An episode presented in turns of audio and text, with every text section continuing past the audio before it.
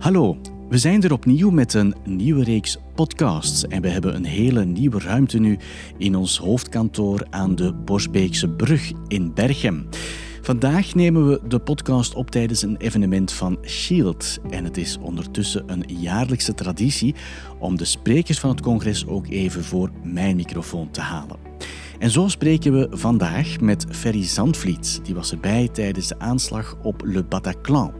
Je, je kunt natuurlijk lelijke dingen meemaken in het leven, maar dat betekent niet dat je niet nog een leuk leven kunt hebben. Ja. En die lelijke dingen die je meemaakt, zitten vaak ook heel veel ja, lessen in. Ook die je weer kunnen helpen om te groeien ook. En lessen die ik ook weer aan het publiek mee mag geven. Ja. Dat, dat is ja echt een ontzettend mooi cadeau. Ja. En vandaag natuurlijk bij, bij dit publiek heb ik natuurlijk wat meer ingezoomd op de aanslag zelf. En hoe dat nou is als je daar middenin zit. Hoe je met de politie, hoe die met ons om zijn gegaan. Onderwerpen die ik normaal niet zou aanstippen, heb ik vandaag natuurlijk wel iets meer op ingezoomd. Ook Gert Verkouteren komt aan tafel zitten. Hij is de directeur ad interim van het OCAD. Iedereen kent ons van niveau 4, maar ik zeg het, dat is eigenlijk de uitzondering uh, op de regel. Meestal zitten we met een niveau 1, 2 en soms uh, 3. Je herinnert het je waarschijnlijk nog wel uit onze vorige podcastreeks. We hadden toen een gesprek met iemand van de politie van Rotterdam. Meer nog, ik nodigde ook gewoon mijn Nederlandse collega podcast-host uit om het allemaal samen te doen. Niels de Kemp was dat. En nu vandaag zitten er weer twee personen van de Rotterdamse politie bij mij. Antwerpen heeft heel veel ervaring. Uh, daar, dat vinden we heel fijn en daar leren we ook heel veel van. Maar we zullen altijd wel een Rotterdam sausje uh, gaan toepassen, omdat we daar ook wel uniek weer in zijn. Ja, hoewel ja. we heel veel op elkaar lijken. En tot slot praten we nog over Shield zelf met Brandon de Wale en Terry Sullivan, twee bezielers van het Shield-netwerk. We provide a general template for our partners, but each agency develops out their program unique to their own community. And this is very important when you have jurisdictions from around the world because they understand better what their private sector partners are, uh, what they need, and what, what resources their community needs. So we provide a, an avenue to get these resources to them, but they design how they connect with their community, which is very important. En ik ben Wouter Bruins.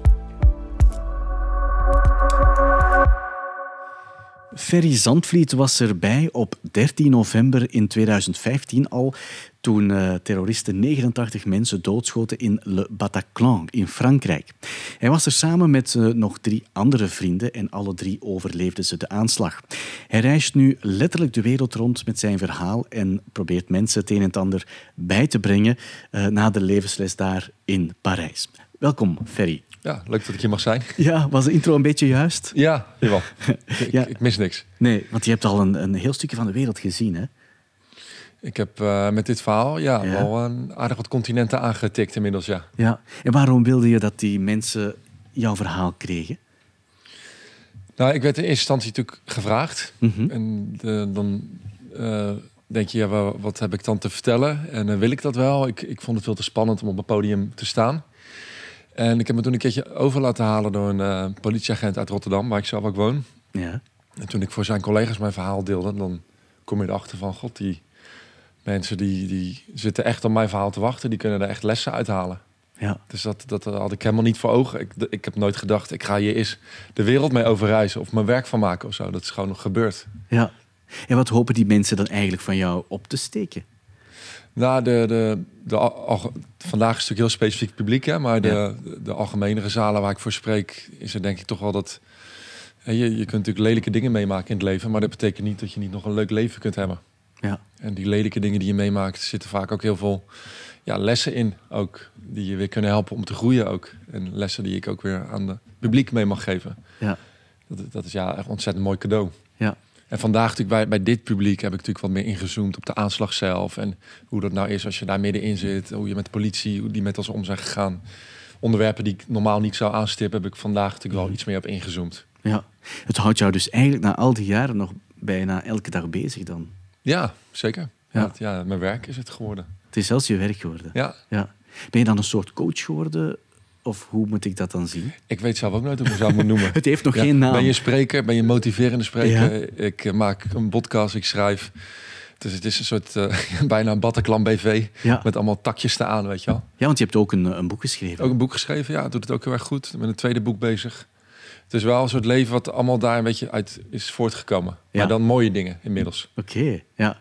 Zeg, en zijn er sinds die dag zaken ehm, waar je nu bewuster mee omgaat? Of waar dat je mee bezig bent op een ander gebied? Bijvoorbeeld op vlak van veiligheid. Hè? Bijvoorbeeld als je op een groot evenement aanwezig bent of je gaat opnieuw naar een concert.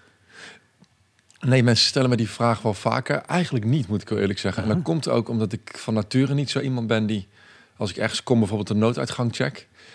En mijn psychiater toen in de beginperiode na de aanslag ook zei van... Ga dat niet te veel doen nu. Als je dat niet al deed van nature. Omdat het van het begin ook een bepaalde... ehm, ja, dan gaf je heel erg toe aan die stress die je juist je, je lijf uit wilde hebben. Ja, Ik had bijvoorbeeld, als ik in een restaurant zat, moest ik met mijn gezicht naar de deur zitten. ja Niet dat hoor je wel vaker. Werd ik helemaal, helemaal nerveus van. En mijn huisarts zei op een gegeven moment, ga dat wel gewoon doen. Ga gewoon zitten hoe je vroeger zat. Tuurlijk, hè, en natuurlijk is het hartstikke goed als je ergens komt dat je even kijkt, hoe kom ik hier weg. Maar het is niet dat ik op een concert sta, dat ik gelijk ga staan. Oké, laat ik daar gaan staan. Want stel dat er iets gebeurt, dan is daar de uitgang. Ik zal misschien wel even vluchtig kijken, maar ik ben daar niet heel bewust mee Nee. bezig. Ja, want even kijken is nooit slecht dat je weet waar je Nee. naartoe moet, maar het mag je niet bijna obsessief Ik ga staan eh, waar de bar is. Dat is meestal een goede plek. Ja. Ja, maar dat was ook een goede plek, denk ik, in eh, Le Bataclan. Hè? Het, ja, wij, wij zijn toen bij de bar gaan staan. Of Ja. eh, dichter bij de bar. En daardoor stonden we ook bij een, dichter bij een nooduitgang. Maar dat was toeval. Ja. Nu, een paar maanden na de aanval op Le Bataclan waren er ook in Brussel aanslagen. Hoe heb jij die ervaren, om, aangezien het toch vrij kort op elkaar kwam? Ja, ik kan me echt nog goed herinneren. Maar vooral de, de media-aandacht die er omheen was. En ook op, naar ons toe daardoor in Nederland. Dus eh, de journalisten gingen ons bellen. Mijn vrienden en ik. Van, eh, god, eh, hoe, voelde, hoe voelen jullie je vandaag? En dat, dat is natuurlijk iets dat ik nog nooit heb meegemaakt. Dat, dat je ineens... En mensen, mensen gingen mij berichtjes sturen van... Oh, ik moet aan je denken vandaag. En sterkte. Vond ik heel raar. Was je daar dan zelf niet mee bezig op dat moment? Jawel, ik had het nieuwstuk gezien. Ik was er ook echt van geschrokken. Maar Ja. dat je tegelijkertijd dat mensen dat dan zo op jou projecteren. Ik weet nog dat ik het een hele rare dag vond. Ja. Toen ik ook niet zo goed wist van... Zit ik daarop te wachten dat mensen mij nu gaan appen en bellen? Ik vond het heel raar. En ook toen ik dan die beelden op tv zag... dat je je ook echt iets bij voor kunt stellen voor het eerst.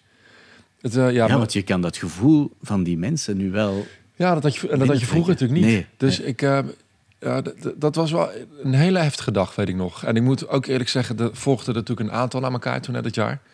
Eh, nice had je en ik weet nou even niet of Barcelona ook datzelfde jaar was. Of het een jaar later. Of net iets later.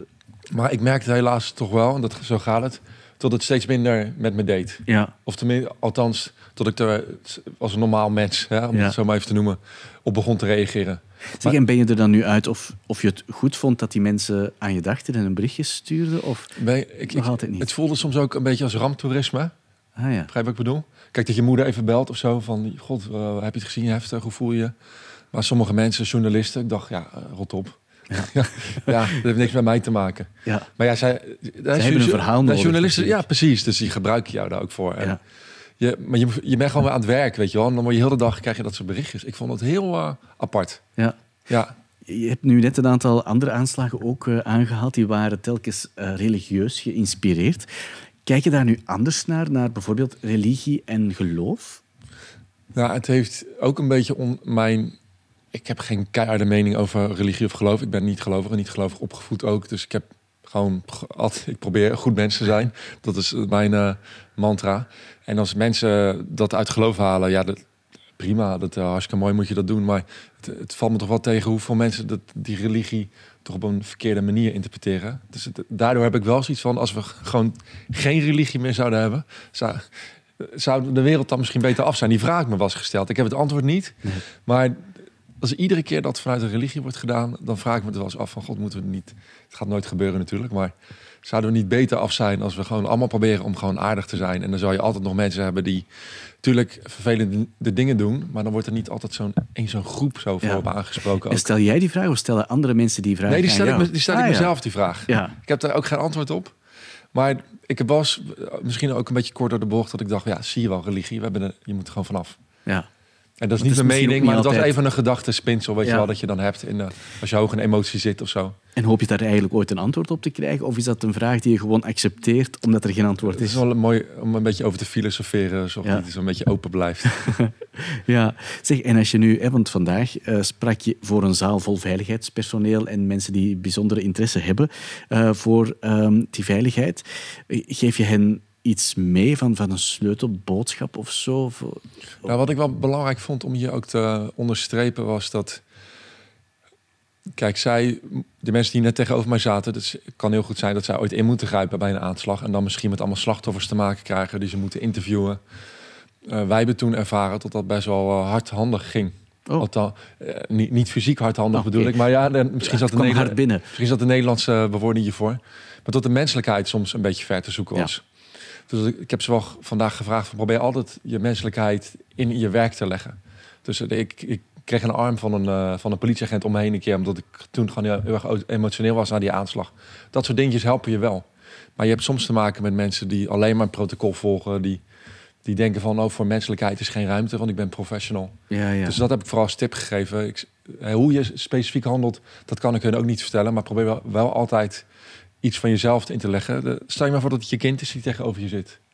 Hè, hoe zou je dan daartegen praten? ja. Dus dat, Ja. dat vond ik wel een belangrijke les om eh, mee Ja. te geven. En heb je dat ook echt ge- gemist? Of, of kan je dat wel begrijpen? Ja, nee, dat ik, heb het wel die- gem- ja. ik heb het ook in de hulpverlening gemist naar de hand. Ik vond het allemaal heel sto- ah, stoffig, dan wordt in. België ook afstandelijk, geprotocoleerd. Niet zo daadkrachtig, niet menselijk. En dat, ondanks dat de hele wereld ernaar kijkt, hè? Of is Ja, dat misschien maar net je de komt geweest? organisaties die natuurlijk heel erg bureaucratisch zijn... met checklists en eh, vinkjes zetten, Ja. protocollen, jasje, dasje. Ja, dat is eigenlijk helemaal niet waar je op zit te wachten. Je wil gewoon die agent die jou een knuffel geeft... en zegt, wat heb je nou nodig, jongen? Wat kan ik voor je doen? Ja. En ik snap dat dat niet altijd zo kan natuurlijk... maar het mag wel iets menselijker. En het is natuurlijk zeven jaar verder nu... dus er zijn ook wel dingen veranderd, hoor. Weet Ja. gelukkig. Zeven jaar verder. Zeven en een ehm, half jaar verder alweer. Ja, en vorig jaar of dit jaar, eh, dan waren er de rechtszaken ehm Vorig jaar. Ja. Een jaar geleden precies, Ja. geloof ik. de Ben je daar dan ook mee bezig geweest? Ik heb het wel eh, op een afstand gevolgd. We mochten erbij zijn... Ah ja, Dat hoefde voor, voor mij niet. Ik had al een keertje bij een eh, rechtszitting met uh, Sada Abdeslam, die terecht stond. Daar was ik al een keer bij geweest, een paar jaar geleden in eh, Brussel. Toen stond hij terecht voor iets anders. Dus ik had hem al een keer in de ogen gekeken. Dat, dat, wel, dat, dat, daar viel niks mee te halen en ik kan het niet verstaan. Het is in het Frans. Dus ik heb het wel op een afstand gevolgd en soms wel met verbazing dingen gelezen. Ja. En opnieuw mensen die jou dan contacteren. Ja, ik, ik Of- ben wel een keertje in een talkshow geweest. Vond ik op zich wel prima om te vertellen hoe ik die rechtszaak volg. Wel Ja. met interesse, maar op een afstand. Ja, Ik vond het vooral, dat was inderdaad waar, waar ik het toen over wilde hebben. Ik vond het, er waren heel veel mensen bij die rechtszitting die nog steeds aan het doorprocederen waren. Tegen hem. Voor een schadevergoeding was dat. Je kon, iedereen heeft een schadevergoeding gehad. Eh, er werd een bedrag uitgekeerd, daar kon je voor tekenen. Dat is al een paar jaar geleden.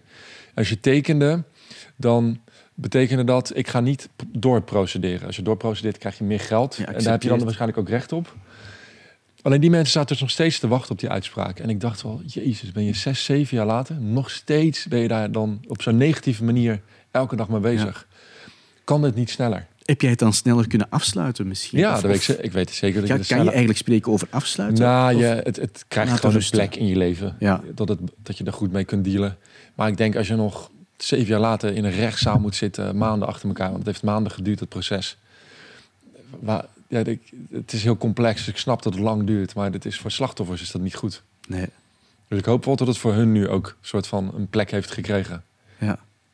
Zeg, en de, de ervaring die jij hebt opgedaan, ehm, kijk jij nu anders naar, naar daden van terrorisme? Of is dat nog altijd... Je, je haalde het daar straks ook al aan, hè? Je, je kan je nu Ja, je kunt er iets bij voorstellen. voelen. Wat, Ja, nee, dus het zal altijd, als je een nieuwsbericht voorbij ziet komen dat, dat eh, terreur gerelateerd is, ja, dat, dat is altijd iets waar je iets mee hebt natuurlijk. Dus Ja. voorheen, als ik dat zag, kon ik me natuurlijk helemaal niks bij voorstellen. En nu wel, dus dat maakt het wel anders, ja. ja. Ik wil je heel erg bedanken om eh, naar Antwerpen te komen en met mij in gesprek te gaan. Dank u. Dank u. Ik laat je teruggaan naar het eh, congres en ik praat verder over terrorisme met iemand van het orgaan dat die dreiging rond terrorisme controleert en goed in de gaten houdt. Dag Gert Verkouteren, jij bent de baas van het OCAT. Eh, misschien moet je nog eens even uitleggen wat het OCAT juist is. Ja, het OCAT is uh, ja, het coördinatieorgaan voor de dreigingsanalyse. Ja, dat klinkt uh, dat een hele mond vol. Mm -hmm. En dan vraag je natuurlijk af, ja, wat doe je dan eigenlijk? Dus wij werken op extremisme en terrorisme. Dus wij werken niet, uh, meestal niet op andere fenomenen. In bepaalde gevallen wel, maar dat is uitzonderlijk. Um, en wij zijn eigenlijk een tweede lijnsdienst, dus wij zijn afhankelijk van informatie en van de inlichtingen die we krijgen van een hele reeks diensten. En dat gaat van de veiligheidsdiensten, waaronder uiteraard de politie. En ook de politie van Antwerpen is een uh, dienst waar wij heel nauw mee samenwerken. Maar dat gaat breder. Dus in België heeft men gelukkig begrepen dat de strijd tegen terrorisme dat dat geen strijd is die alleen maar kan winnen met de veiligheidsdiensten. Want uiteindelijk bestrijden wij symptomen, maar niet altijd de onderliggende oorzaken. En die onderliggende oorzaken die liggen op maatschappelijk niveau. En vandaar dat wij ook heel nauw samenwerken met uh, diensten die zich op niveau van de gewesten en de gemeenschappen bevinden. Ik denk bijvoorbeeld aan de justitiehuizen, um, jeugd en welzijn, uh, maar ook met de steden en de gemeenten, want die, hebben, uh, die staan het dichtst bij de burgers. Uh, en die hebben we echt nodig bij de reïntegratie van extremisten en terroristen uh, terug in de maatschappij. En dat zijn de steden en de gemeenten die dus via een sociale en preventieve werking, die eigenlijk ook heel nauw betrokken zijn bij wat wij doen. Wij maken dus eigenlijk, wij zorgen ervoor dat alle stukjes bij elkaar komen als OCAT. En dan, uh, gaan we, ja, dan gaan we ermee aan de slag. En we gaan er meerwaarde aan proberen geven. Want ja, als je die puzzel hebt en je kan er naar kijken, dan kan je zeggen, oh, dat is een mooie puzzel. Maar dan heb je eigenlijk nog niks in handen. Wat, wat ja. doe je er dan mee? Ja. Dus, dus, dat is, op zich is dat wel belangrijk. Want vroeger was het een gegeven dat heel vaak de, de diensten allemaal op hun eigen eilandje zaten. De informaties eh, niet aan elkaar doorgaven, zodat niemand een overzicht uh, had. En dat is nu wel gedaan. We hebben daar het OCAT voor, we hebben het federaal parket uh, voor en de diensten die nu echt veel meer samenwerken. Wat wij ermee doen is bijvoorbeeld uh, eerst in geval een uh, algemene dreigingsevaluatie maken, maandelijks. Dus het, het, het algemene dreigingsniveau ja, voor België. Want het gaat, we spreken over een dreiging, maar dat zijn ook niet altijd de, de hele grote dreigingen natuurlijk. Want er zijn wel meer dreigingen dan, denk ik, de mensen vermoeden of aannemen? Ja, dat klopt. Dat klopt. Dus wij maken, en de tweede zaak is, is de punctuele dreigingsevaluaties. Mm -hmm. Dat zijn uh, ongeveer een 1500 à 2000 per jaar die we maken.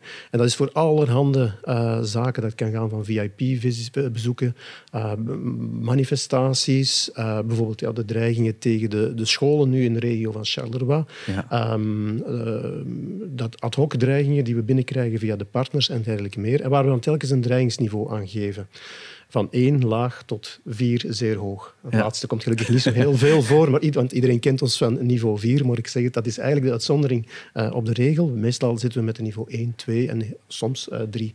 Ja. En in functie van die niveaus kunnen dan andere diensten, zoals het crisiscentrum en de politie, uh, bepalen welke maatregelen zij moeten nemen om die dreiging eigenlijk te counteren, om die terug uh, te brengen waar uh, mogelijk. En dat is dus een heel groot deel van het werk van het OCAT ook. Ja, en is jouw taak dan eigenlijk om dat allemaal te gaan coördineren? Of, of wat moet je doen als directeur of directeur dat interim bij, bij, bij dat OCAT als, als orgaan? Ja, uiteindelijk, dus, dat zijn, ik, ik, kan rekenen op een heel goed team van mensen. Echt, echt, uh, iedereen zal dat zeggen als baas, maar dat is echt waar. We een heel uh, fantastisch goed team mensen die um, al, uh, al bewezen hebben dat ze er staan in alle omstandigheden, die ook ervoor gezorgd hebben dat ik die, die functie snel en goed kan overnemen, en dat ik me daar heel goed bij kan en voelen. Comfortabel. En comfortabel ja, bij kan ja. voelen. want het zijn, het zijn uiteindelijk die, die, die, die dat werk doen. Maar natuurlijk, als directeur moet je ervoor zorgen dat de mensen in de goede omstandigheden kunnen werken, dat er, van, voilà, er zijn nieuwe zaken. Je moet als er de wind, wind opsteekt, moet je van voor staan. moet je proberen die mensen uit de wind te zetten. Uh, je moet uh, ook naar de politiek toe, ben je het aanspreekpunt. Naar de media, naar, uh, naar, naar, naar, naar, naar de andere diensten ben je vaak het aanspreekpunt. Je moet de dienst verdedigen. Je moet ook zorgen dat als er nieuwe taken worden toege, toegekend aan uw dienst, dat je er nieuwe mensen voor krijgt. Extra mensen, ja. extra personeel. En dat is allemaal niet... Dat is vaak wel een, een moeilijk gegeven. Want ja, de, de, de, de, hoogtepunten van de terreurdreiging, dat was na 2016, 17, dan is er uiteindelijk heel veel geld naar de diensten gevloeid. Gaat er heel veel aandacht naar terrorisme. En dat vindt iedereen maar logisch. nu begint dat, en dan begint, ja. maar nu dat we eigenlijk in een periode zitten dat we die uh, aandacht moeten vasthouden. Die inspanningen die, die we hebben gedaan, die moeten, dat, dat moet verworven blijven. Dat moet ingebed blijven in onze cultuur.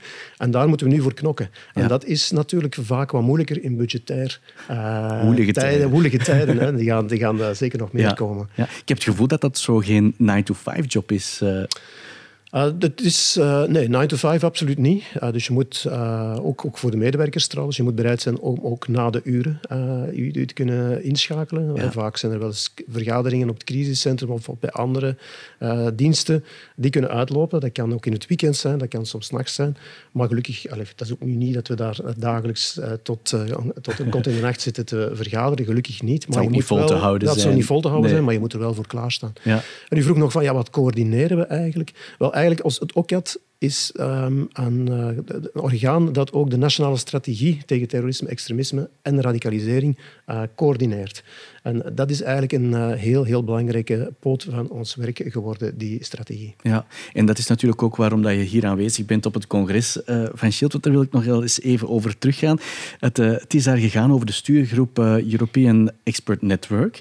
U bent daar ook lid van. Wat is dat eigenlijk juist? Uh, European Expert Network on Terrorism, dat is uh, ENET, is de afkorting daarvan. Ja. Uh, ik zit daar in, in het ja, sturingsorgaan, zoals je dat noemt. En, dat is eigenlijk een, een, een internationaal netwerk waar dat diensten, zo, politiediensten, inlichtingendiensten, coördinatieorganen, fusion centers, zoals het ook had, ehm, zich ja, ontmoetingen hebben met, met mensen van de academische wereld. Waar ah, dus uh, ervaringen uh, uitwisselen kennis. en kennis uitwisselen. Dus academici die komen daar naartoe en die kunnen in alle vertrouwen, wij ook in alle vertrouwen, uh, met elkaar uitwisselen waar zijn we mee bezig. Dat zijn de onderzoeken waar dat wij mee bezig zijn. Die presenteren dat, komen vragen, antwoorden. En van onze kant uit verwachten ze natuurlijk dat we hen zeggen van ja, wat zijn de noden, wat zijn de zaken waar wij mee bezig zijn, onze prioriteiten, waar zitten nog lacunes en waar kunnen wij eventueel een beroep doen op de input van uh, die academici. En zijn dat echt concrete zaken waar jullie over spreken of is dat eerder beleidsmatig? Of? Het is meer beleidsmatig, uiteraard, omdat operationele zaken, ja, dat kunnen we moeilijk gaan delen. Eh, ja. Tenzij dat ze afgerond zijn. En dat we lessen kunnen trekken uit hetgeen dat de best practices. En zeggen van, ja, hier hebben we eigenlijk nog lacunes mhm. in, in, in, onze aanpak. Kunnen jullie ons daarbij helpen? En dat, uh, allez, dat soort zaken wordt dan wel uh, uitgewisseld. Dat is een heel boeiend netwerk. Die mensen kennen elkaar ook al jaren. Het wordt eigenlijk, de, de, de voortrekkersrol wordt gespeeld door de, de Duitse Bundeskriminaalamt, de Duitse politie, die hebben het secretariaat ook. Maar voor de rest is dat een heel brede uh, netwerk van uh, mensen uit alle landen van uh, Europa, ook academici. En echt wel iets waar ik elk jaar met veel plezier naartoe ga. ja. ja, en ook aan de andere kant van de wereld heb ik begrepen. Hè? Want in juni 2022 uh, heeft het ook een memorandum of understanding getekend met het uh, Indonesische Nationale Agentschap voor Terrorismebestrijding. Ik denk dat ik het juist zeg. Um, maar hoe kan een land dat aan de andere kant van de wereld zit bijdragen aan, ja, aan onze nationale veiligheid? Ja, dat is een goede vraag. Het is altijd een beetje onrechtstreeks, uiteraard. Hè? Maar mm -hmm. Uh, bon, voilà. Indonesië is naar ons gekomen met die vraag ah, om een memory of understanding te tekenen, omdat zij dat al gedaan hadden met een heel, uh, een heel aantal andere westerse partners. En ze wilden ook heel graag met België dat doen.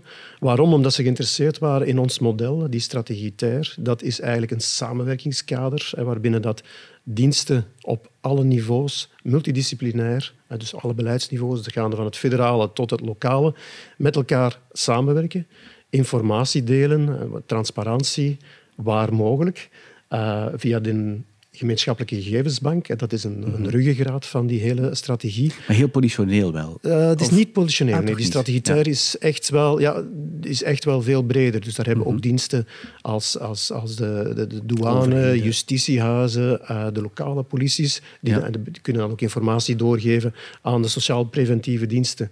Uh, die afhangen van de burgemeester. De burgemeester wordt geïnformeerd via die, via, via die strategie en via de gemeenschappelijke gegevensbank. Dus dat zorgt er eigenlijk voor dat we een, een, een, over de hele maatschappij een soort van holistische aanpak uitrollen. En die ervoor zorgt dat uh, ja, de diensten die ergens een steentje kunnen bijdragen in de strijd tegen terrorisme en extremisme, dat die voldoende informatie hebben. dat die weten van, oké, dat is de situatie van, van uh, de mensen die in de gemeenschappelijke gegevensbank zitten. Uh, dat is het dreigingsniveau dat ook eraan geeft. Uh, en, en, en dat is de context. En dan kunnen we, zij ermee aan de slag. En dat wordt dan allemaal onderling afgesproken in verschillende overlegstructuren, uh, zowel op nationaal als op uh, arrondissementeel als op lokaal niveau, dus op niveau van de burgemeester met zijn sociaal-preventieve diensten. En dus die informatie die vloeit ook heen en weer. Dus het is niet dat het allemaal top-down geregeld wordt. Uh, nee, dat komt ook bottom-up. worden er informatie aangereikt en er stroomt ook informatie terug. Ja. En dat is het, een, een, een uniek systeem, denk ik, waarbij en als België zijn we vaak heel bescheiden, maar ik denk dat we daar uh, echt niet voor moeten blozen, want we komen vaak uit het buitenland naar ons om te vragen ah, van hoe het werkt. En ook de Indonesiërs zijn zo naar ons gekomen met de vraag van vooral om uh, uit te leggen, voilà, hoe werkt dat? Want zij hebben ook een heel uh, brede aanpak van extremisme en terrorisme. En u weet dat Indonesië is een van de grootste moslimlanden. Zij zijn ook geconfronteerd met, uh, dat, met die fenomenen, in, in, in, zelfs in grotere mate dan wij. En wij kunnen uiteraard ook van hen leren. Want Indonesië is een uitstekende ja, toegangspoort tot Zuidoost-Azië. En u weet van ja, problemen die zich op het eerste zicht ver van ons afspelen. Irak, Syrië, Afghanistan. Uh, we weten nu intussen welke impact die op termijn uh, kunnen hebben op onze maatschappij. Dus vandaar denk ik oké, dat we toch belang moeten hechten uh, aan die internationale samenwerking en op tijd eigenlijk de, de, de, evoluties ook in het verre buitenland opvolgen. En dat is nu niet dat wij elke dag met elkaar aan de telefoon gaan hangen. Of dat wij, maar je weet de weg wel. Voilà, dat is, we weten de weg, we zien elkaar en we proberen elkaar één keer per jaar te zien. En intussen wisselen we uh, best practices, analyses uit met elkaar. Voilà. En het is niet, echt niet zo dat wij als OCAT aan, uh, met, met, met, met, tientallen landen week, dat soort uitwisseling hebben. Nee, het is eigenlijk meestal op vraag van die partners als die naar ons komen. Maar sowieso met een, met een meerwaarde dan, neem ik aan. De collega's van Shield hadden mij ook wel gezegd dat ik het met u moest hebben over de GGB-entiteiten. Maar dan wil ik wel eens eerst weten, wat zijn dat eigenlijk? Of wat wordt daarmee bedoeld? Ja, entiteiten, dat is een woord. Dat is, dat is eigenlijk uh, creepy. Hè? Ja. Uh, entiteit is precies zoiets, uh, een, een, een, een, een, object. Maar uiteindelijk gaat het hier om individuen. -huh. En dat zijn individuen die beantwoorden aan strenge wettelijke criteria om opgenomen te worden als extremist of terrorist. En potentieel gevaarlijk. Je hebt daar verschillende uh, categorieën. En een van die mhm. categorieën is inderdaad de potentieel gewelddadige extremist. Uh, maar we zijn ooit in het begin gestart met de foreign terrorist fighters. Dus de mensen eigenlijk die zijn afgereisd naar Syrië en Irak om daar deel te nemen aan uh, de jihadistische strijd van groeperingen die gelinkt werden aan IS of aan Al-Qaeda.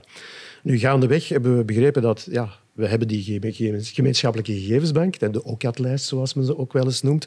Ehm, maar we moeten daarmee toch ook andere fenomenen kunnen bestrijken dan alleen maar uh, die foreign terrorist fighters, alleen maar dat jihadisme. Ja. En dan in de loop der jaren zijn er dus nieuwe categorieën bijgekomen.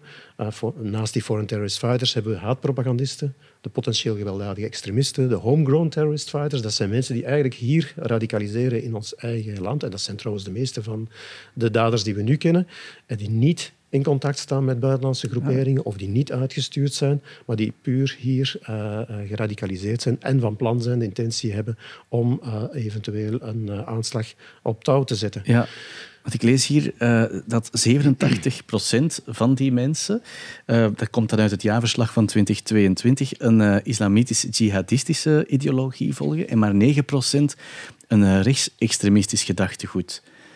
Hoe kan je dat verklaren? Ja, dat is eigenlijk voor een groot stuk te verklaren door de historische context. We zijn begonnen met die foreign terrorist fighters en daar hadden we er gewoon heel veel van. Hè. U weet dat uh, ja. ja. België was een van de hofleveranciers van uh, IS geworden en, en Al-Qaeda in Syrië, met honderden mensen die naar Ginder zijn getrokken. Uh, ondertussen veel zijn teruggekeerd en ook veel zijn gesneuveld. En een klein deel zit nog kinder in uh, kampen of gevangenissen hm. en zit nog uh, vrij in, in, in, een klein gebiedje in het noordwesten van Syrië. Dat waren er echt een heel pak. Dan in de beginnen konden we de geen andere fenomenen in die gegevensbank krijgen. Dus bijvoorbeeld iemand die rechts- of linksextremist was, die paste daar niet in. Dat is pas vanaf 2018, 19 dat we die zijn kunnen beginnen opnemen. Dus we zitten daar met een, uh, laten we zeggen, een, een, een, een, correctie die nu bezig is, waardoor dat we nu ook meer mensen van andere hoeken, zoals rechts- en linksextremisten, maar ook anderen, in die gegevensbank uh, kunnen krijgen. Uh, dat zijn er Uiteraard minder, en gelukkig maar, dan de, de, de, jihadisten. Maar we zitten nu toch al met een, een, een, een zestigtal rechtsextremisten, een kleine vijftien linksextremisten. En dan hebben we nog een aantal andere, een handvol andere fenomenen die er ook uh, ja. hun plaats in vinden. Um, het belangrijkste is dat die gegevensbank klaar staat om alle vormen van extremisme, uit welke hoek ze ook komen, uh, op te vangen en die mensen dan ook op te volgen via die structuur die ik daarnet beschreven heb. Die strategitair met die lokale taskforce, met lokale integrale veiligheidscellen op niveau van de, van, van, de steden en van de gemeenten. En waarmee je dus eigenlijk een aanpak hebt om die individuen een uh, tailor-made, op maat gemaakte aanpak uh, uh, aan te kunnen bieden. En soms gaat dat eerder veiligheidsgericht zijn, die aanpak. repressief, als er echt een grote dreiging van uitgaat. Maar in veel gevallen waar kan, gaan we eerder sociopreventief werken, gericht op de reïntegratie van die personen in onze maatschappij. En daar dient die gemeenschappelijke gegevensbank uh, eigenlijk voor. Ja. ja, u heeft ook wel heel wat ervaring, heb ik begrepen. Hè? U, u komt uit het werkveld als analist over Oost-Europa. Hoe helpt jou dat? Of ik heb eerst uh, een, meer dan tien jaar gewerkt bij Defensie als politiek analist op uh, Oost-Europa en de Balkan. Ik was daar het, uh, ook hoofd van bureau Oost-Europa-Balkan uiteindelijk. En dan ben ik bij het OCAD begonnen als analist en hoofd van het departement analyse. Dus ja, dat zit wel echt in mijn, in, in, in, mijn, bloed. in bloed, in de genen intussen. Ik doe dat meer dan 25 jaar. Wat het, wat het u helpt, is dat je als analist leert om eigenlijk uit een enorme hoeveelheid informatie de juiste zaken te filteren en dat op een bevattelijke manier te presenteren aan mensen die niet de tijd hebben om door al die uh, documentatie, die inlichtingen uh, te, te zwoegen en te ploegen. Maar er wel iets mee moeten doen. Maar er wel iets mee moeten doen. En dus dat je leert van, oké, uh, je moet die zaken op een goede manier kunnen presenteren. Uh, terwijl je toch voldoende fond geeft, uh, dat men je, expertise serieus kan nemen, maar dat je erin slaagt om ja, in een nutshell een, een, een, een, probleem naar voren te brengen en te helpen om, om op oplossingen aan te reiken. Ik denk dat dat is eigenlijk de métier van een analist. En dat leer je uiteraard heel goed bij Defensie, ja. dat leer je heel goed bij het OCAD. en, en, ik denk wel dat we nu, zonder onszelf te willen, te, willen, te willen bestoeven, maar dat we toch wel in geslaagd zijn om van het OCAD uh, dat, dat, eigenlijk bestaat sinds 2006, 2008, dat we er effectief mee uh, aan de slag gingen. Dat we er toch in geslaagd zijn van het ook eigenlijk een echt uh, gerenommeerd expertisecentrum mm -hmm. te mhm. maken. Ja, en nu met, met ehm, Oekraïne en Rusland, helpt het dan ook nog? Of heeft dat een invloed op het beleid bij het OCAT, de situatie die we daar zien? Ja, we zijn door de regering gevraagd om ook de dreigingen vanuit dat conflict ah, ja. in het oog te houden. Maar uiteindelijk als OCAD gaan we ons concentreren op de impact hier in België. Dus wij gaan ons niet bezighouden hmm. met geopolitieke of militaire analyses. Daar blijven jullie uh, af. Daar blijven we af. Daar zijn andere diensten veel beter voor, Defensie, Buitenlandse Zaken. Maar wij kijken hier uh, naar wat is de mogelijke impact. Als het nodig is, kunnen wij een dreigingsniveau geven. Als we bijvoorbeeld zouden zien dat er, ja, stel dat Rusland uh, represailles wil nemen voor de sancties, en België is toch een van de landen die heel actief bijdragen aan die sancties, dan uh, moeten we daar wel klaar voor staan. Hè. Dus stel dat bijvoorbeeld uh, Rusland de sabotageacties zou ondernemen, daar zijn voorlopig voor, zeker nog geen, geen tekenen voor. maar voilà, dan moeten we een sector, een kritieke, een kritieke infrastructuur, een, um, een, een, gevoelige sector of bepaalde personen kunnen beschermen. En dat, doen, dat, dat kan als ook dat dan het gepaste dreigingsniveau geeft, dan gaat het crisiscentrum uh, daar de juiste maatregelen aan koppelen. En dat is hetgeen dat wij in de oog houden. Nu, uw vraag zal waarschijnlijk zijn, van, wat is tot hier toe de grootste impact? Ja, ben ik wel nieuwsgierig voilà. uh, Ik denk dat we vooral op dit ogenblik uh, een beetje beducht zijn voor cyberaanvallen. Ja. Omdat je daar altijd een plausible deniability hebt. Dus men kan het altijd ontkennen dat je erachter zat. En je kan altijd zeggen, ja, maar dat waren niet wij, dat waren hackers die per ongeluk sympathie hadden voor ons. Uh, dat waren of dus, interesse. Of interesse hadden voor ons. Dat, was ja. niet, dat waren wij niet als staat. Uh, en dan zie je wel dat er inderdaad uh, aanvallen gebeuren door pro-Russische hackers. maar voorlopig concentreren ze zich toch meer tegen Oekraïne en de buurlanden. Wat niet wil zeggen dat we helemaal gespaard zijn gebleven. Dus soms gebeuren er wel van die aanvallen, cyberaanvallen door pro-Russische hackers, ook tegen instellingen en bedrijven in ons land. Maar meestal gaat het dan om kleinschalige aanvallen met een geringe impact. Het gaat dan Mhm. meestal om DDoS-aanvallen, dus die tijdelijk de toegang tot je website ehm, verlammen, dus overladen, maar waarvan je eigenlijk geen eh, blijvende schade hebt. Ja. ja, want er wordt heel wat digitaal eh, ja, uitgestoken, laten we zeggen. Er gebeurt heel veel digitaal. Dat wordt ook heel goed opgevolgd, neem ik aan, door onder meer de inlichtingendiensten. Zien jullie daar een groot verschil met ehm, ja, bijvoorbeeld twintig jaar geleden? En, en zijn er zo dingen waar ja, jonge analisten eh, rekening mee moeten houden, volgens jou? Ja, ik denk twee zaken. Eén, ja, eh, cyber is heel belangrijk. Heel moeilijk om de juiste profielen aan te trekken. Ja. Ik denk dat merken we in alle sectoren van de overheid, maar zeker ook in de, bij de veiligheidsdiensten. Het is niet gemakkelijk om de mensen eh, aan te trekken voor, bij, voor een job bij de overheid. Bij, bij andere profielen lukt dat wel, maar bij ICT'ers zit je met een enorme druk van Ja, privé. ja. eh, waar, Waar natuurlijk- meer geld te waar verdienen meer valt geld te verdienen is en waar de mensen, eh, als ze beginnen werken, krijgen ze direct een eh, bedrijfswagen erbij en zo verder. Dat zijn uiteraard zaken die, die, waar die jonge mensen eerst gaan naar kijken.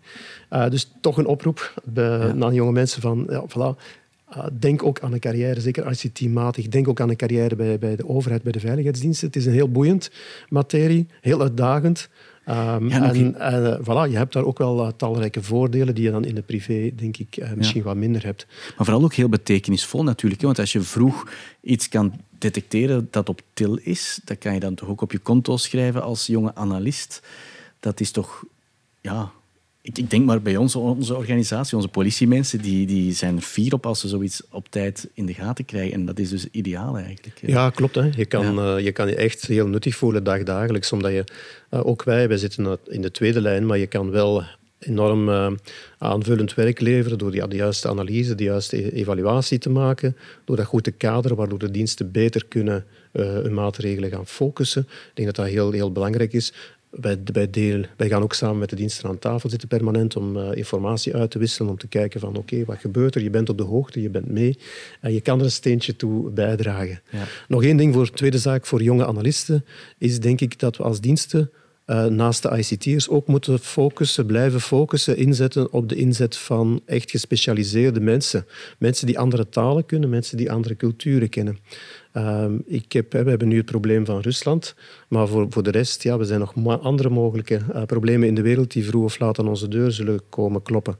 En dan is het altijd belangrijk dat je de juiste specialisten eh, in je organisatie hebt. Mensen die die talen eh, spreken, die die culturen kennen, die er toch voldoende afstand van hebben om daar mee aan de slag te kunnen gaan en ons daarbij te helpen. Ja. Het is ook altijd mogelijk om van specialisten generalisten te maken. Dat is een heel gemakkelijk proces. Maar andersom, om van een generalist een specialist te maken, dat is veel moeilijker. Ja. Dus vandaar een warme op- oproep, een pleidooi ook aan de, aan de academici en aan de universiteiten. Blijf voldoende aandacht geven aan die gespecialiseerde studierichtingen.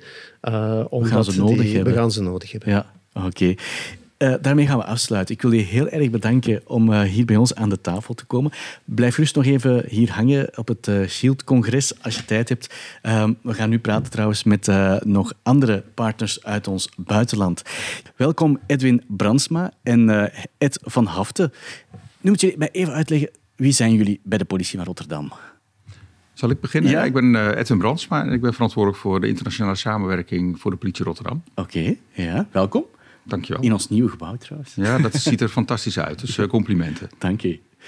Ja, en ik ben Ed van Aft en ik werk bij de informatieorganisatie van de eh, politie Rotterdam. Ja. En ik doe ook op nationaal gebied eh, bedrijfsvoering en intelligence eh, werkzaamheden. Ja. En dat is in de breedste zin van het woord eh, ook de betrokkenheid richting SHIELD.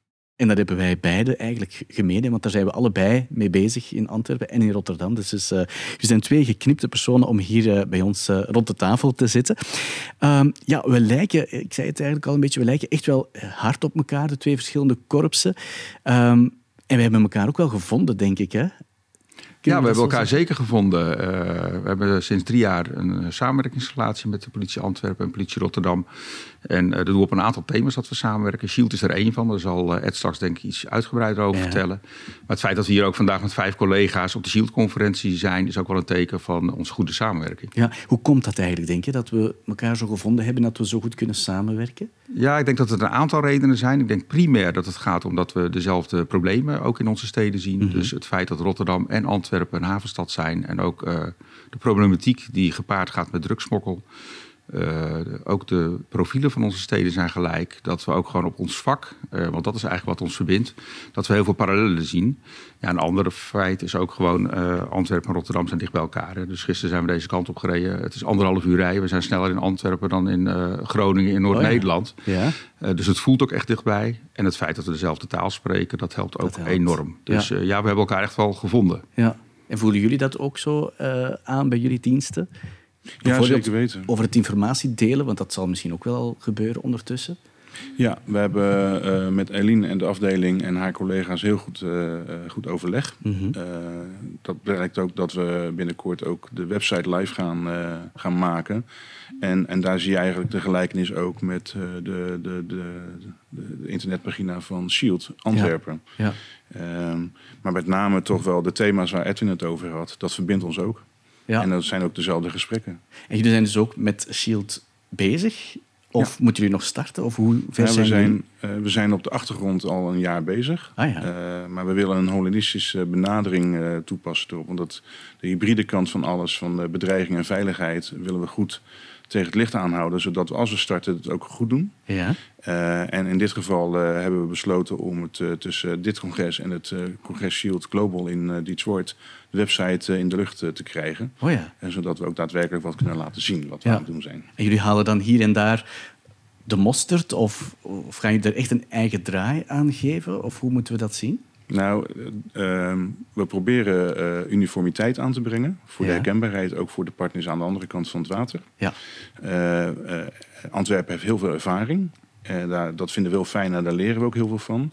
Maar we zullen altijd wel een Rotterdam sausje uh, gaan toepassen, omdat we daar ook wel uniek weer in zijn. Ja, hoewel ja. we heel veel op elkaar lijken. Ja, en natuurlijk, dat doen wij in Antwerpen en andere Shieldleden doen dat natuurlijk ook. Hè, want dat is net het kenmerkende. Hè. Je moet een netwerk, een eigen netwerk proberen uit te bouwen. Daar staat het Shield uh, natuurlijk voor. Hè. En hoe gaan jullie dan bijvoorbeeld um, met Shield Antwerpen concreet samenwerken? Gaan jullie bijvoorbeeld jullie website um, samen bekijken of, of, best practices uitwisselen? Of hoe moet ik dat uh, bekijken? Dat sowieso. Ja? Uh, iets wat slim gedaan is, dat moeten we dan uh, elkaar ook uitleren. Ja. Maar het praktische is ook dat we proberen minimaal één of twee keer in de maand elkaar te zien. Mm -hmm. En de laatste informatie met elkaar te delen, zodat we gelijkmatig optrekken op de website. Zodat ja. er geen verschillen gaan ontstaan en dus vragen kunnen komen. Ja, dat je dezelfde communicatie uitstuurt naar de verschillende doelgroepen. En dat betekent dat vanuit de intelligence wereld besmetting gaat plaatsvinden door fysiek bij elkaar te gaan zitten. Ja, ja. Dat is het idee. Uh, en, en dat zien we wel in de toekomst hoe dat zich ontwikkelt. Ja. Een ander voorbeeld is dat we gezamenlijke producten willen gaan maken in de toekomst. Uh, maar we blijven kleurlokaal, noemen we dat in het Nederlands. Hè. Dus de Antwerpse uh, omstandigheden kunnen wel nog wel eens verschillend zijn, die van Rotterdam. Dus je moet wel even goed nadenken wat je gezamenlijk naar buiten brengt, dat daar uniformiteit in zit. Ja. Of heel specifiek voor je eigen locatie. Ja, want we krijgen natuurlijk ook wel te maken met een soort van ja, gezamenlijke dreiging of een, een hybride dreiging. Ja. Uh, hoe kijken jullie daarnaar of wat verstaan jullie daar, daaronder? Nou, de hybride dreiging is niet nieuw. Uh, het Nederlands kabinet heeft altijd gezegd je moet samenwerken, want het stopt niet bij de grens. Uh, je ziet ook daar dat daar heel lang geleden al nationale politie voor gekozen is om daar vorm aan te geven dat je beter kan samenwerken. Mm -hmm. Maar nu ook in het nieuwe veiligheidsplan van het Koninkrijk der Nederlanden zie je staan dat het niet alleen voor Nederland, maar ook voor de andere delen van Nederland uh, aan de kant van Amerika, de eilanden, uh, de gemeenten die we daar hebben, dat daar breed samengewerkt moet gaan worden in partnership, maar ook in daadwerkelijke samenwerking in, in, in het het vangen van de boeven. En, en daar is een uh, meerjarenbeleid op geschreven. En daar valt Shield uh, in partnership heel goed over. Of onder. En wat ook heel goed gaat, is dat ze opgeschreven hebben dat je het niet alleen meer moet doen als overheid. Maar dat je heel veel moet gaan samenwerken met kennisplatformen, universiteiten, maar ook bedrijfsleven. Ja, heel veel kennis opdoen is het begin waarschijnlijk wel. Ja. ja. En wat zijn um, de grootste gevolgen op lange termijn dan bekeken van bijvoorbeeld een, een toenemende hybride dreiging en de aanhoudende vooruitgang van de ja, digitale technologie waar dat we nu mee verder moeten? Ja, als je uh, de kennis buiten de overheid is vaak verder, omdat zij innovatie uh, sneller kunnen toepassen en wij wetmatig nog wel eens gebonden zijn aan een aantal regels. Mm -hmm. uh, en daar moet je wel met elkaar gaan verkennen hoe je dat tot je kan nemen. En dat zou ja. kunnen zijn dat we nu ontdekken dat op de universiteit in Rotterdam, de Erasmus Universiteit, heel veel onderzoeken gedaan kunnen worden waar wij faciliterend in kunnen zijn. En vervolgens ook mensen aan ons binden om de komende jaren ook samen te kunnen gaan werken. Ja, bedoel je dat dan eigenlijk een beetje geven en nemen? Ja, ja. exact. Hoe belangrijk is dat? Bij ons weten we dat natuurlijk, want wij kennen ons eigen netwerk uh, enzovoort. Maar ik weet niet hoe dat in Nederland uh, gaat. Ja. Is daar...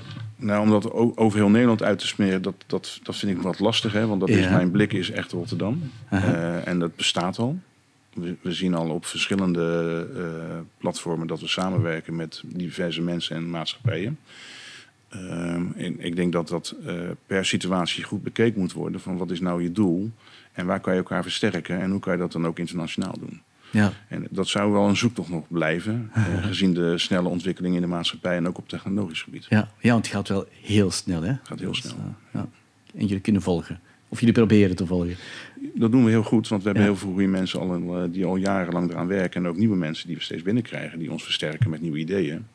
Maar het blijft wel uh, dat je een grote organisatie bent, waarin je wel bepaalde processen moet doorlopen voordat je iemand ook daadwerkelijk kan inzetten. Ja. Hoe moeilijk is het bij jullie om bijvoorbeeld de privésector um, mee te krijgen in het, uh, in het verhaal van Shield? Nou, mijn ervaring, uh, afgelopen anderhalf jaar met Shield bezig te zijn en het ja. verhaal te vertellen, uh, zonder daarbij op de voorgrond te treden, is dat daar wel een behoefte ligt. Mhm. Mm -hmm.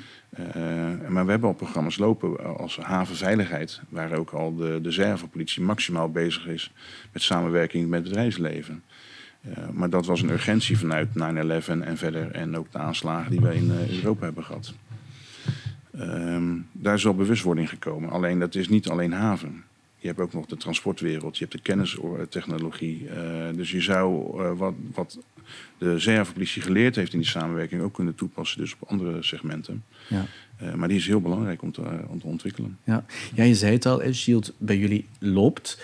Uh, het loopt goed. Uh, en hoe is het contact met bijvoorbeeld een aantal andere landen of andere Shield-leden? Uh, hoe zien jullie de, de, contacten die er zijn? Ja. Want dat is wel wat Shield overeind houdt. Mm. Hè? Dat is het netwerk, het praten met mensen. Hè? Ja, exact.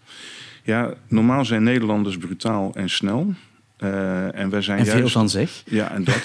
hè, dus ik, dat wil ik niet uh, bevestigen allemaal gelijk. Okay. Maar we hebben dit proces juist vertraagd. Oh ja. Uh, om goed te kijken van hoe doet Antwerpen het? -huh. en, en, hoe gaat het nou in Amerika? En hoe doet Australië het? En hoe doet Nieuw-Zeeland? En hoe doen de Spaanse collega's het?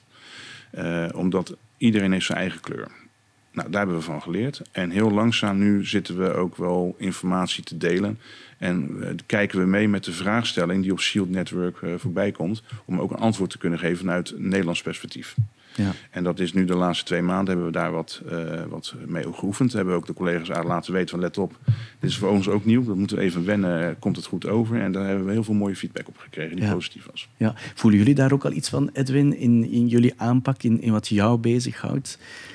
Of nou, moet dat nog wat, uh, wat nou, als, als, het met name gaat over wat uh, Ed toelicht over internationale ja. samenwerking en hoe je dat oppakt, is denk ik de kracht vooral ook dat je het niet uh, zelf hoeft uit te vinden als het al door de buren is bedacht. Hè. Dus ik vind het mooie van Shield en ook onze samenwerking tussen Rotterdam en Antwerpen.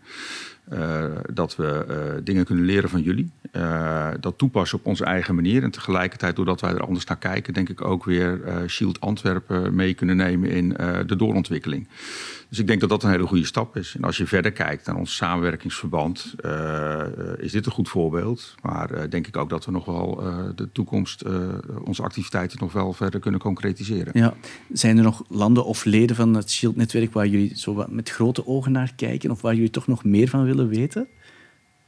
Kijken. Ja, ja, nou, ik ben blij dat we de mogelijkheid krijgen om uh, in Detroit aan te sluiten. Omdat je dan fysiek met mensen in gesprek kan gaan. Maar ik ben wel heel erg, uh, heel erg nieuwsgierig hoe ze het in New York doen. Ja. En uh, een tijd geleden had, uh, waren de twee collega's daarvan in Nederland even ook op bezoek, omdat ze in Antwerpen waren. En die zeiden van jullie lijken een beetje op New York. Dat vond ik een beetje overdreven. de skyline is echt anders. Maar de hardheid van de maatschappij, en daar doelden de collega's ook op. En, ja. en, het aantal middelen wat je hebt om samen te werken, dat is daar natuurlijk ook op de schaal vergelijkbaar. En de verschillende fenomenen waar je mee te maken krijgt. Exact. Ja. Dus uh, als we daar naar similariteit kijken, dat, die is aanwezig. En daar ben ik wel nieuwsgierig naar. Dat geldt ook voor Londen. Ja. Die hebben ook weer een heel andere aanpak. En die doen heel veel op de socials en heel veel communities in en awareness creëren op die manier. En, uh, en ik denk dat wij in Europa daar wel ook wel iets meer uh, naar genegen zijn om ook dat in te zetten. Ja. Ik, uh, hoewel we toch net gehoord hebben dat we vooral de telefoon weg moeten leggen. uh, Af en toe. Denken we dat we dat uh, in een soort ook weer een vorm van hybride hebben waarin je makkelijke doelgroepen kan bereiken. Ja. Maar daar moeten we echt heel goed over nadenken voor we dat dan gaan inzetten. Ik wens jullie daar heel veel succes mee, met dat nadenken. Um, voor jullie teruggaan, wil ik je vragen om uh, Niels nog zeker de groeten te doen. Niels de Kemp van, uh, van jullie podcast. En uh, nog veel plezier op het, op het congres. Dank u wel. Dank u wel. Ja, en bij mij zitten ondertussen Brandon De Wale en Captain Terry Sullivan. Uh, welkom, Captain. Thank you. Um, twee bezielers van het Shield-netwerk. Uh, Brandon is een van de opstarters van het Shield-netwerk uh, bij ons in Antwerpen. En hij is ook zo pas herkozen in zijn tweede termijn als vice-president van Shield. Um, en Terry komt van Hanover, Virginia, in de Verenigde Staten. We spraken af trouwens dat ik de vragen in het Nederlands stel en dat uh, Brandon, uh, waar het uh, nodig is, steun geeft aan de captain. En we hopen um, dat iedereen toch het Engels zo goed mogelijk kan begrijpen. Um, Brandon, ik, ik sprak over het Global Shield Network, maar wat is dat eigenlijk juist? Ja, het Global Shield Network is eigenlijk een koepel mm -hmm. dat ehm, alle bestaande Shield-programma's in de wereld eigenlijk gaat gaan groeperen. En waarbij dat we eigenlijk een beleid gaan uitschrijven, hebben uitgeschreven, om uh, een beetje neutraliteit te hebben, een beetje dezelfde formaliteiten te hebben, hetzelfde idee, dezelfde gedachtegang te hebben. Uh, ondertussen zijn wij met uh, bijna 70 politiekorpsen wereldwijd. Dus we zitten in drie continenten, Amerika, Europa en Australië. en dit is echt wel de laatste jaren pas zo geëvolueerd. Ja. En hoe is dat global netwerk dan ontstaan? Ja. Dat is eigenlijk uh, Dit is captain. a better question for the president. Uh, so Terry, uh, how is the Global Shield Network existed? So essentially, the Global Shield Network started um, shortly after 9/11, the attacks in New York City. -huh. New York City started a great program where they began to work very closely with their private sector community. Um, we had the opportunity as other law enforcement agencies in the U.S. to work with New York City and help bring this model to not only organizations throughout the United States, but organizations throughout the world. And we're very fortunate that our partnership with Antwerp Police Department and Brandon in particular, uh, we're able to uh, take this model and put it on an international stage. But to its core, what it does is it builds on our strategy that strong partnerships create safe communities. And in doing that, we realize that in the law enforcement community, we need to have very good, strong working relationships with our private sector to not only foster relationships, but also provide them resources to be able to keep their community safe as well. Ja, ik ga proberen heel kort even samen te vatten. Um, dus de, het Global Shield netwerk is ontstaan na de aanvallen van 9-11. Dan was er nood aan ja, een beetje een, een, groepsgevoel om informatie te delen. En eigenlijk om, om de maatschappij uh, veiliger te maken met, met andere partners, zowel in de VS als uh, ja, wat later blijkt dan ook in, in andere landen. Ja, dat klopt, Wouter. Dus het belangrijkste is vooral ook bij politiediensten, uh, wij hebben gemerkt dat er heel wat informatie zit in die private sector. En met dit programma, met SHIELD, en dat merken we ook in al die andere uh, politiekorpsen dat SHIELD nu hebben, die informatie waar de private sector uh, bezit, om die te kunnen verkrijgen, moet die samenwerking daar zijn, die publiek-private samenwerking. En daarom is SHIELD zo sterk, omdat wij geven iets als SHIELD, als politiedienst, gaan wij informatie gaan geven. Wij gaan, gaan zorgen dat zij opgeleid worden in een bepaalde waakzaamheid te gaan creëren. En in ruil krijgen wij heel nuttige informatie dat ons als korps ook heel sterk maakt. Ja, en welke rol speelt dan Antwerpen in dit verhaal, of Shield Antwerpen? Ja, dus in het Global Shield Network uh, speelt Antwerpen wel een heel belangrijke rol. Uh, dus wij waren het eerste internationale programma, dat is heel belangrijk toch wel. Dus wij hebben het op... It's important to translate, we were yes. the first one on the Global Shield Network. Yes, ja, yes. Ja, zo so, the first uh, programma. Dus het ding is vooral, wij hebben het ook op ons genomen en het is de kopchef van politie Antwerpen het ook wel als opdracht zo meegegeven mm -hmm. heeft van laat ons zorgen voor die verdere expansie. Want hoe meer korpsen er aangesloten zijn bij SHIELD, hoe sterker dat netwerk en hoe sterker dat we ook eigenlijk de strijd kunnen aangaan tegen terrorisme, radicalisme en extremisme. Ja. Uh, dus daarom dat Antwerpen wel die rol blijft spelen. Daarom dat Antwerpen ook de MOU-partners, waar de, de korpsen waar, waar, waar, ze met samenwerken, zoals Ertzaintza, politie in Baskeland en Rotterdam, politie, ook zo ver heeft gekregen om uh, SHIELD op te starten daar. Ja. Maar wat is dan eigenlijk het verschil, Brandon, tussen gewoon SHIELD en dat Global Network SHIELD? Ja, uh, ik ga dat misschien doorkaatsen ah, ja. naar, naar, Terry. Uh, so Terry, what's the difference between the een, een, een program, a Shield program like Antwerp Shield or like Hanover Shield and the Global Shield network?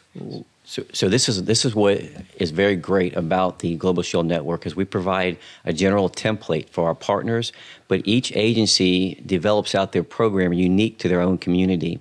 And this is very important when you have jurisdictions from around the world because they understand better what their private sector partners are, uh, what they need, and what, what resources their community needs.